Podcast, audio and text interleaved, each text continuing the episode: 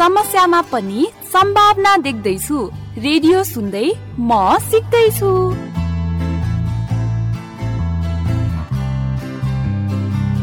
कार्यक्रम म सिक्दैछु। British Council Katha express my emotions matter radio audio र रेकर्ड हाउस स्टुडियोको सहकार्यमा टिच फर नेपालले उत्पादन गरेको हो। अब प्रस्तुत छ कार्यक्रम म सिक्दैछुको अङ्क चालिस। रानी वन कोइलीले गीत गाउँछ शरदको आकाशमा।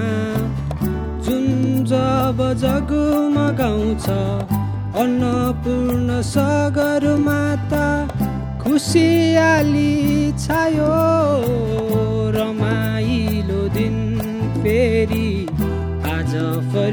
फर्किआयो ए मेरो साथी।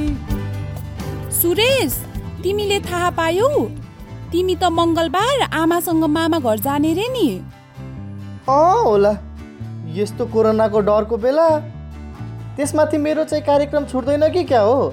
म सिक्दैछु त सोमबारदेखि सकिहाल्छ नि। तिमी किताबहरू बोकेर जाँदा भइहाल्यो। ए अँ त है। ओहो। त्यसपछि त साथीहरूसँग भेट हुन अलि समय पो लाग्छ होला है। हो अब केही समयपछि फेरि भेट हुन्छ। तर अहिले चाहिँ आज के सिकाइ हुने हो त्यसको बारेमा कुरा गरौँ न। हो है कार्यक्रम सकिने कुरा के गर्नु? आज के सिकाउने होला त रजत दाई र ऋतु दिदीले? अस्तिको हप्ता ग्रेटिट्युडको कथा राम्रो लागेको थियो। आज पनि त्यस्तै केही छ कि? कथा त थाहा भएन। तर आज हामीले आफूलाई सहयोग गर्ने अनि हामीले आफ्नो समस्याको कुरा गर्न सक्ने सम्बन्धको बारेमा कुराकानी गर्ने भन्दै हुनुहुन्थ्यो। ए? ल त साथीहरू अबको पालि भावनात्मक शिक्षाको अनि त्यसपछि हामीलाई रतन दाईले डायरी पनि लिएर आउनुहुन्छ। ध्यान दिएर सुन्नुहोस् है। अन्नपूर्ण सगर माता खुसियाली छायो रमाइलो दिन फेरि आज फर्किआयो। ए मेरो साथी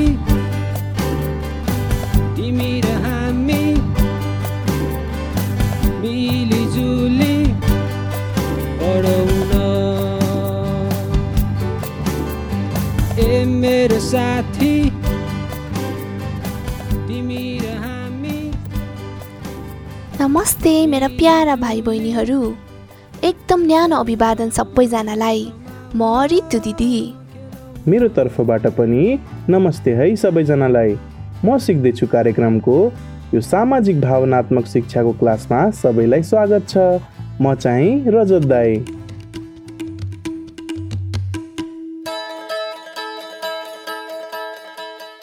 सामाजिक भावनात्मक शिक्षाको क्लास सञ्चालन गर्न माई इमोसन्स म्याटर नामक संस्थाले सहयोग गरेको छ। माई इमोसन्स म्याटर एक शैक्षिक संस्था हो जसले इमोसनल इन्टेलिजेन्स अर्थात् भावनात्मक बुद्धिमत्ताको माध्यमबाट घर स्कुल र संस्थाहरूमा सकारात्मक वातावरण विकास गर्न मद्दत गर्दछ। सामाजिक भावनात्मक शिक्षालाई इङ्ग्लिसमा सोसियल इमोसनल लर्निङ भनिन्छ। यो शिक्षा हामी हाम्रो घर परिवार साथीहरूको भावनालाई बुझेर एकअर्कालाई माया र सहयोग कसरी दिन सक्छौँ त भन्ने बारेमा हो। यसमा हामी आफ्नो भावनालाई कसरी बुझ्ने कसरी व्यक्त गर्ने र अरूको भावनालाई पनि कसरी बुझ्ने बारे कुराकानी र अभ्यासहरू गर्नेछौँ।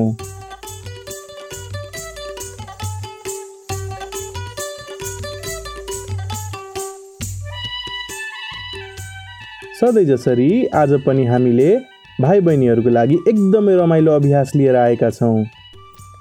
तर त्यो भन्नुभन्दा पहिला म तिमीलाई अस्ति भएको कुरा सुनाउँछु।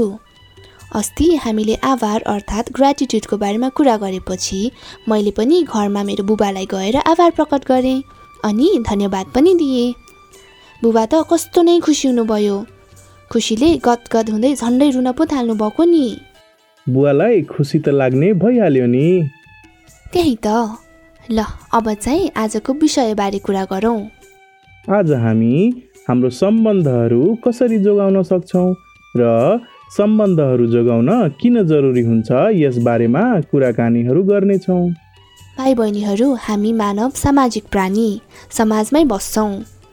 त्यसैले हाम्रो सम्बन्ध हाम्रो परिवारका सदस्यहरूसँग मात्र नभएर समाजका सबै व्यक्तिहरू साथी छिमेकी गाउँले सबैसँग हुन्छ र प्रत्येक सम्बन्ध उत्तिकै महत्त्वपूर्ण पनि हुन्छ। त्यसैले सबै सम्बन्धहरू जोगाइराख्नुपर्छ। आफ्नो मनको कुरा सुनाउन र समस्याहरूको लागि सुझाव लिन पनि हाम्रो मित्र र शुभचिन्तकहरूले मद्दत गर्छन्।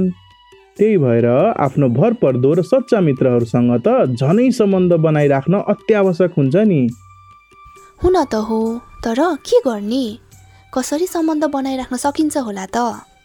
ल भाइ बहिनीहरू हामी आज यही सम्बन्धमा एउटा अभ्यास सिक्छौँ है त। तर यसको लागि एउटा कागज र एउटा कलम चाहिन्छ। अलि ठुलो खालको कागज भए झनै राम्रो। म एकैछिन समय दिन्छु कागज र कलम ल्याउन। भाइ बहिनीहरू गएर कागज लिएर आइहाल्नुहोस् है।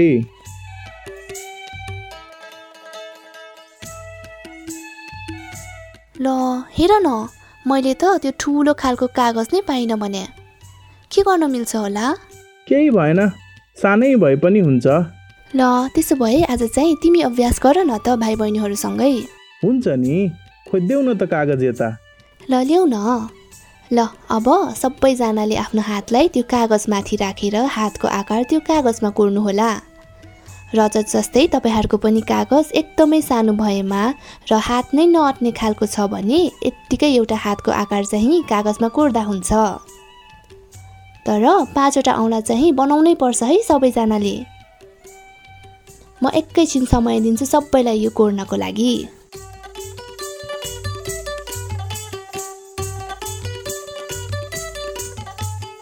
ल हेर त रितु मैले कोरे मेरो हातको चित्र। हाम्रा भाइ बहिनीहरूले पनि कोरिसक्नुभयो होला। अब के गर्ने त? ल अब सबैजना ध्यान दिएर सुनौँ है त। अब चाहिँ आफूलाई गाह्रो भएको बेला कुनै समस्या आइपरेको बेला कोसँग कुरा गर्न सकिन्छ जस्तो लाग्छ। उहाँको नाम एउटा औँला मुनि लेख्नुहोस्। मेरो लागि चाहिँ मम्मी हो। कहिलेकाहीँ चाहिँ साथीभाइको समस्याहरू मम्मीलाई भन्न गाह्रो लाग्छ।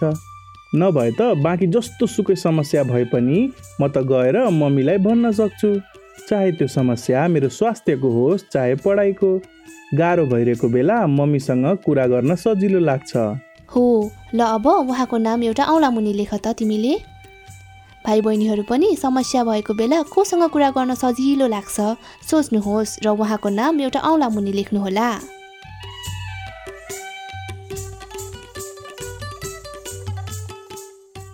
ल लेखिसकेँ मैले। अब बाँकी भयो चारवटा औँलाहरू। त्यसमा चाहिँ के लेख्ने? ल पख न म भन्छु। भाइ बहिनीहरू पनि ध्यान दिएर सुन्नुहोला है त। अब त्यसै गरी अरू चारजनाको नाम पनि सोच्नुहोस्। तपाईँहरूलाई गाह्रो भएको बेला र समस्या भएको बेला अरू को को चारजना छन् तपाईँहरूको वरिपरि जसलाई ढुक्कसँग आफ्नो कुरा बाँड्न सक्नुहुन्छ?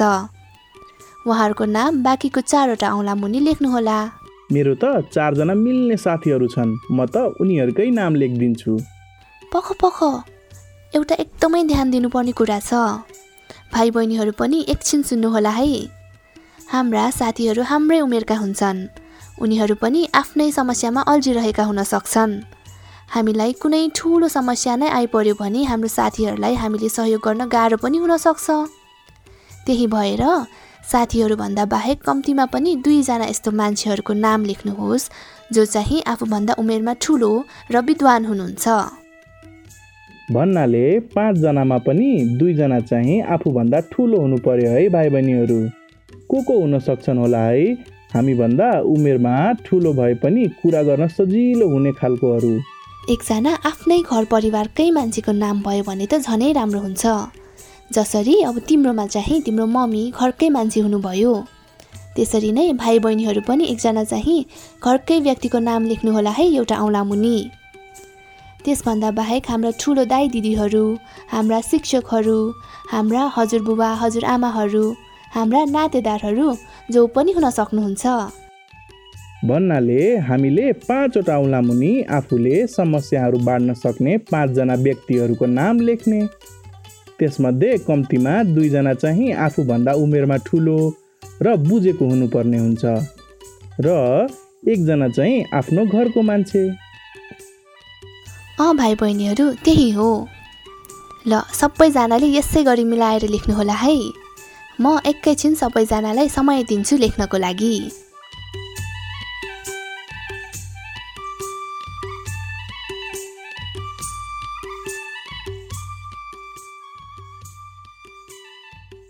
सबैजनाले लेखिसक्नुभयो होला भन्ने आशा छ। रजत तिमीले क कसको नाम लेख्यौ एकचोटि सुनाउ न त? मैले पाँचवटा औलामुनि नामहरू लेखिसकेँ। आफ्नै घर परिवारबाट मैले चाहिँ मम्मीको नाम लेखेँ। मैले अघि भने चाहिँ मलाई उहाँसँग कुरा गर्न सजिलो लाग्छ। त्यसपछि मैले मेरो दिदीको नाम लेखेँ। उहाँले मेरो समस्याहरू कस्तो मजाले बुझिदिनुहुन्छ नि। त्यही भएर उहाँको नाम पनि लेखेँ। त्यसै गरी आफ्नो एउटा साथी विवेकको नाम लेखेँ। ऊ काठमाडौँ पुगिसक्यो त्यही पनि अहिले पनि कुरा गर्दा उसले मेरो मनको कुरा एकदमै ध्यान दिएर सुनिरहेको हुन्छ अनि मलाई उसँग सजिलो महसुस हुन्छ। अर्को नाम चाहिँ मैले मेरो बहिनीको लेखेँ। उमेरमा सानो भए पनि उसँग मेरो मनको कुरा गर्न र समस्या भन्न एकदमै ढुक्क महसुस गर्छु। अनि पाँचौँ नम्बरमा मैले तिम्रै नाम लेखेँ ऋतु ल एकदमै राम्रो। जे होस् आफूले लेखेको पाँचजना माथि आफूलाई विश्वास हुन अत्यन्तै जरुरी हुन्छ। यो अभ्यासलाई चाहिँ आफ्ना पाँच सहयोगी भनिन्छ। यो भनेको चाहिँ आफूलाई समस्या परेको बेलामा मद्दत गर्न सक्ने आफ्ना पाँचजना सहयोगी साथीहरू हुन्। हामीलाई समस्या परेको बेला अथवा गाह्रो भइरहेको बेला कोसँग कुरा गर्ने र कसरी कुरा गर्ने भनेर हामी अन्यलमा पढ्न सक्छौँ। हामीलाई त्यस्तो बेलामा एकदम एक्लो महसुस हुन सक्छ। तर यसरी यो अभ्यासले हामीलाई भरपर्दो व्यक्ति को हो पहिचान गर्न र सहयोग माग्न सजिलो हुन्छ।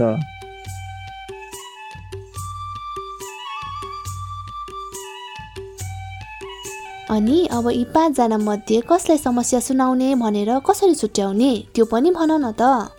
त्यो चाहिँ समस्या हेरी हुन्छ अनि त्यो पाँचजना मध्ये को चाहिँ अलि फुर्सद निकालेर आफ्नो त्यो समस्यालाई सुनिदिन सक्नुहुन्छ होला भन्ने कुरामा पनि भर पर्छ।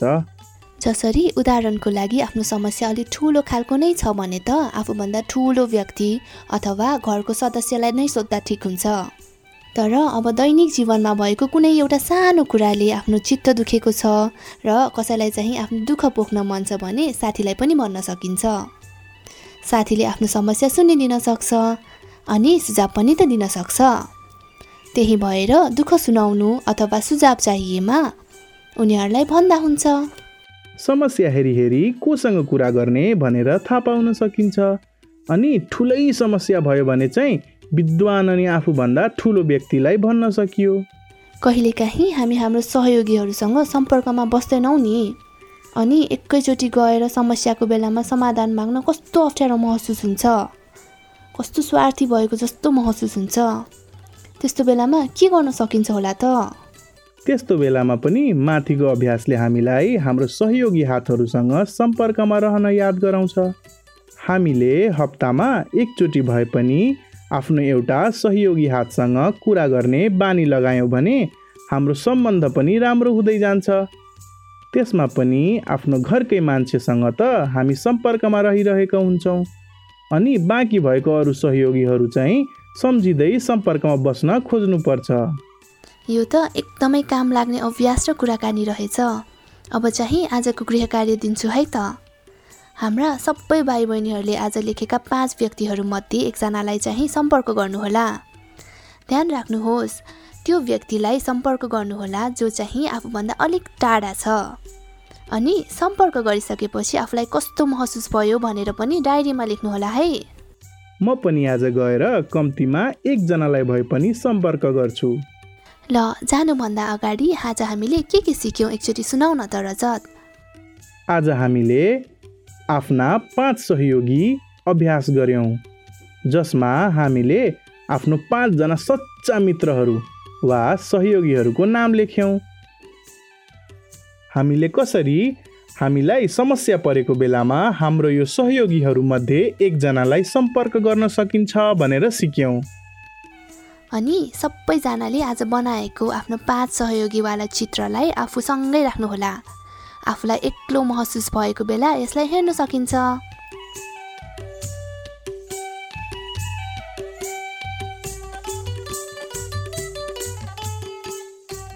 ल आजको लागि बिदा माग्छौँ। तर तपाईँहरू चाहिँ कतै नजानुहोला। अब रतन दाई लकडाउन डायरिज लिएर आइहाल्नुहुन्छ। सुन्दै गर्नुहोला म सिक्दैछु। अहिलेको लागि बाई बाई आफ्नो भावनाहरूलाई बुझ्दै गर्नुहोस् र एकअर्काप्रति माया बाँड्दै गर्नुहोस्। म र ऋतुको तर्फबाट तपाईँहरूलाई धेरै धेरै माया। बाई बाई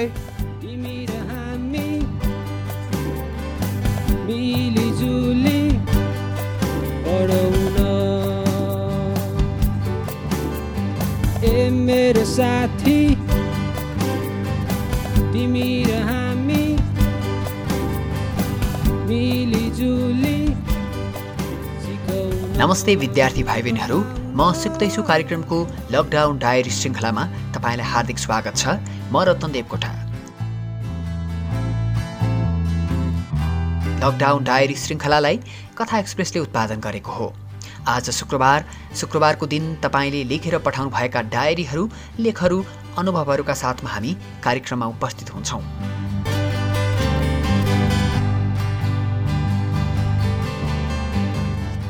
आज मैले श्री बतासे माध्यमिक विद्यालय सिन्धुपाल्चोकबाट रिममाया तामाङले पठाउनु भएको डायरी लिएर आएको छु। रिममाया कक्षा दसमा पढ्नुहुन्छ। रिममायाले के के लेख्नु भएको होला त? यो लकडाउनको बेला उहाँले कस्तो अनुभव गरिरहनु भएको छ होला? के सिकिरहनु भएको छ होला? आउनुहोस् रिममायाले लेख्नु भएको लकडाउन डायरी सुनौ।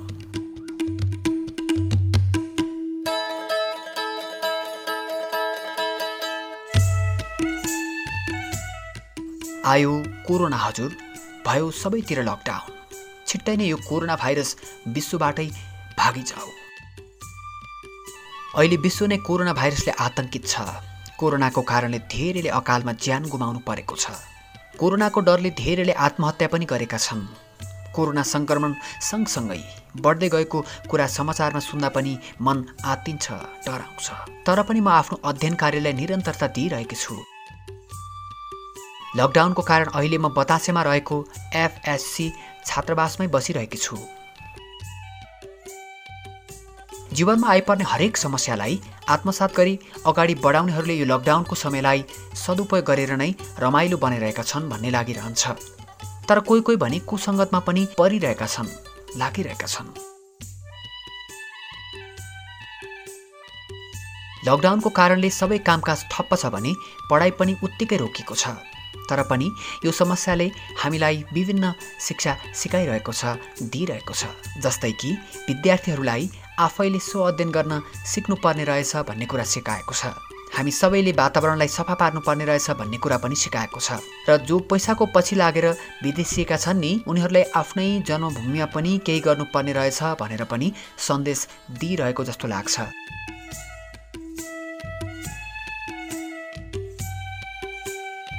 यो बेला मेरो मनमा टिआर माल्थसले भनेको कुरा याद आइरहेको छ।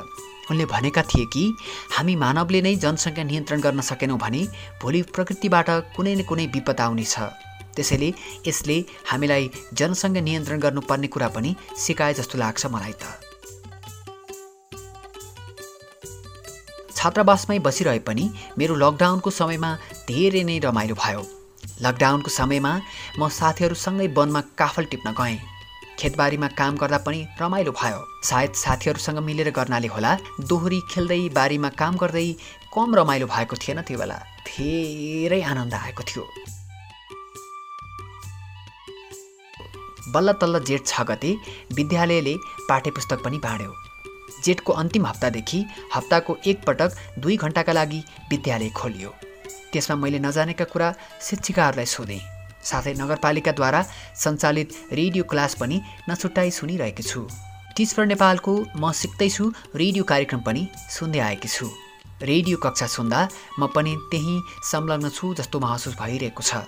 मलाई पाठ्यपुस्तक भन्दा पनि बाहिरी किताब पढ्न गीत गाउन र कविताहरू रच्न मनपर्छ साथीहरूले खेल्न जाने बेलामा म पनि एक्लै बसेर गिटार बजाउँदै आफ्ना मनमा ओर्लिएका भावनाहरूलाई पोख्ने गर्छु।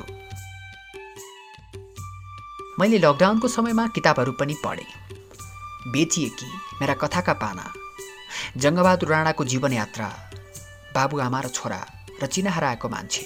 मैले लकडाउनको समयमा पढेका निकै राम्रा किताबहरू हुन्। यी सबै किताबहरू धेरै राम्रा थिए। यीमध्ये पनि बेचिएकी र चिना हराएको मान्छेले मलाई धेरै भावुक बनायो। लकडाउनले गर्दा हाम्रो समाजमा धेरै नै समस्याहरू पैदा भइरहेका छन्।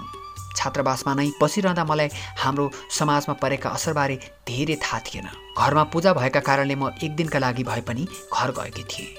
त्यही एक दिनको समयमा मैले धेरै कुराहरू सिक्ने अवसर पाएँ। मैले छिमेकी भाइ बहिनीहरूलाई गृह कार्य गर्न सहयोग गरिदिएँ। मैले गृह कार्य सिकाइदिँदा कतिसँग कलम कापी पनि थिएन। लकडाउनको कारण गाउँमा कुनै पनि सामान ल्याउन पाइरहेका छैनौँ। कलम कपीको के कुरा गर्नु? खाने नुन तेल त धौधौ परिरहेको छ। हुन पनि हो।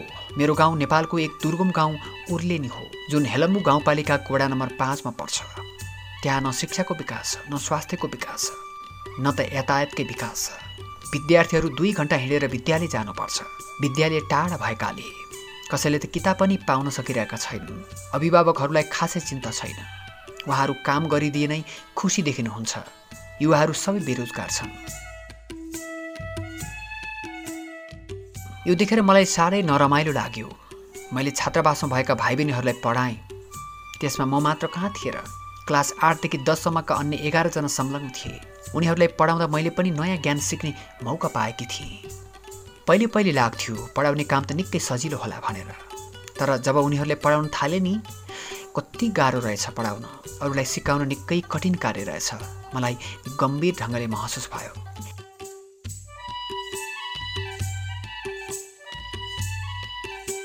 मेरा लकडाउनका पानाहरू यति नै। तपाईँहरूले पनि आफ्नो लकडाउन डायरी लेखेर पठाउनुहोला है। म सुन्न आतुर छु नि।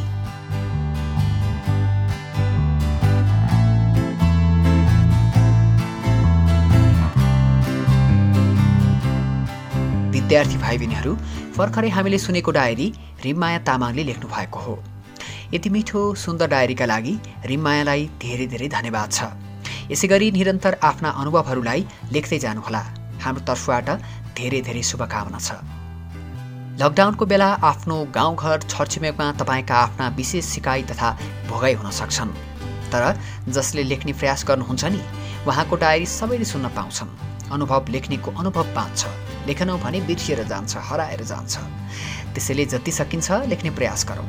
लकडाउनको बेला तपाईँले के के गरिरहनु भएको छ? सजिलो अप्ठ्यारो के के भइरहेको छ? के सिकिरहनु भएको छ? दिनभरि के के गरिरहनु भएको छ? लगायतका आफ्ना अनुभवहरू चार सय पचासदेखि छ सय पचास शब्दमा लेखेर हामीलाई पठाउनु भयो भने तपाईँले लेखेको डायरीलाई हामी अडियो बनाउनेछौँ।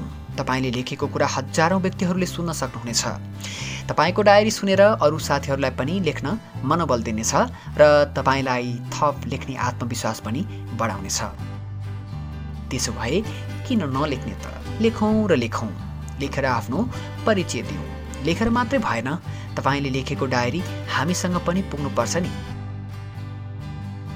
हाम्रो कार्यक्रमको ठेगानामा तपाईँले आफ्नो डायरी लेखेर पठाउन सक्नुहुन्छ अर्थात् तपाईँले आफ्नो नजिकको शिक्षक साथीलाई पनि हाम्रो ठेगानामा पठाउनका लागि अनुरोध गर्न सक्नुहुन्छ। एक्सप्रेस कथा एट जिमेल डट कममा तपाईँले हामीलाई मेल गर्न सक्नुहुन्छ। यदि मेल गर्न तपाईँलाई असहज लागेमा तपाईँ हाम्रो फेसबुक पेज कथा एक्सप्रेसमा गएर म्यासेज पनि पठाउन सक्नुहुन्छ। कथा एक्सप्रेस पेजलाई लाइक तथा फलो गर्नुभयो भने थप नयाँ नयाँ कथाहरू सुन्न सक्नुहुनेछ। म कार्यक्रम प्रस्तुता रतन देवकटा आजका लागि आज्ञा माग्छु। नमस्कार। दिन फेरि आज फर्किआयो। ए मेरो साथी तिमी र हामी मिलिजुली। सधैँ झै आज पनि डायरीले साह्रै मन छोयो है। अँ। ए मेरो साथी। अनि तपाईँले को कसको नाम लेख्नुभयो नि त्यो हातको चित्रमा? मैले त आमा बाबा तपाईँ रमेश अनि गोपाल दाईको नाम लेखेँ।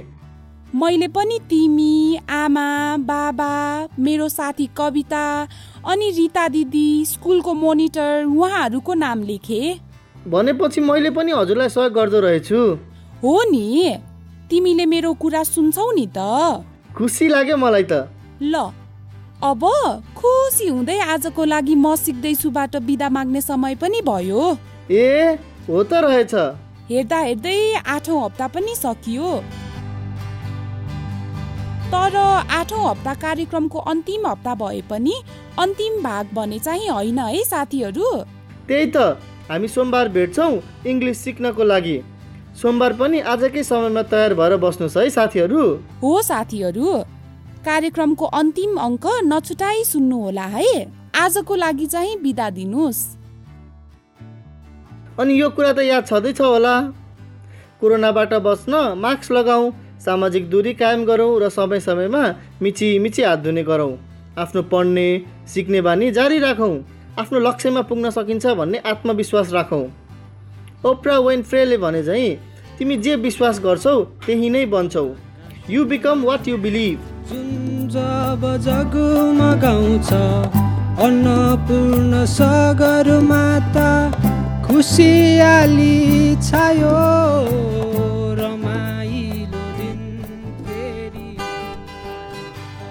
यतिन्जेलसम्म तपाईँहरू सुन्दै हुनुहुन्थ्यो कार्यक्रम म सिक्दैछु। कार्यक्रम म सिक्दैछु। प्रत्येक हप्ताको सोमबारदेखि शुक्रबारसम्म ललितपुर सिन्धुपाल्चोक धनुषा पर्सा लमजुङ तनहुँ र दाङको एफएम स्टेसनहरूमा प्रसारण हुने गर्दछ। कार्यक्रम म सिक्दैछु।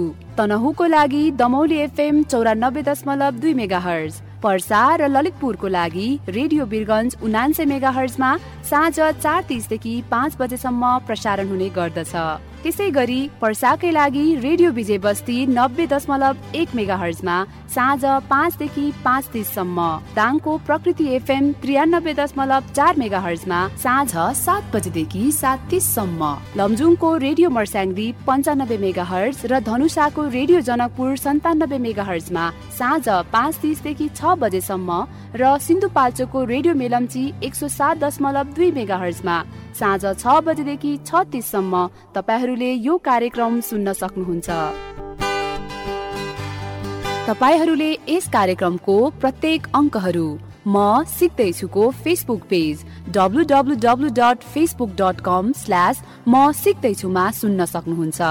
त्यसै गरी म सिक्दैछु कार्यक्रमको YouTube channel W W W dot YouTube dot com slash म सिक्दैछुमा पनि सुन्न सक्नुहुन्छ। यस कार्यक्रम प्रति आफ्ना जिज्ञासा अथवा गुनासाहरू हाम्रो फेसबुक पेज र इमेल ठेगाना म सिक्दैछु at the rate Gmail dot com मार्फत पठाउन सक्नुहुनेछ। कार्यक्रम म सिक्दैछु। British Council Katha express my emotions matter radio audio र रेकर्ड हाउस स्टुडियोको सहकार्यमा टिस्फर नेपालले उत्पादन गरेको हो। कोइलीले गीत गाउँछ शरदको आकाशमा। जुन जब जगमगाउँछ अन्नपूर्ण सगरमाता खुसियाली छायो।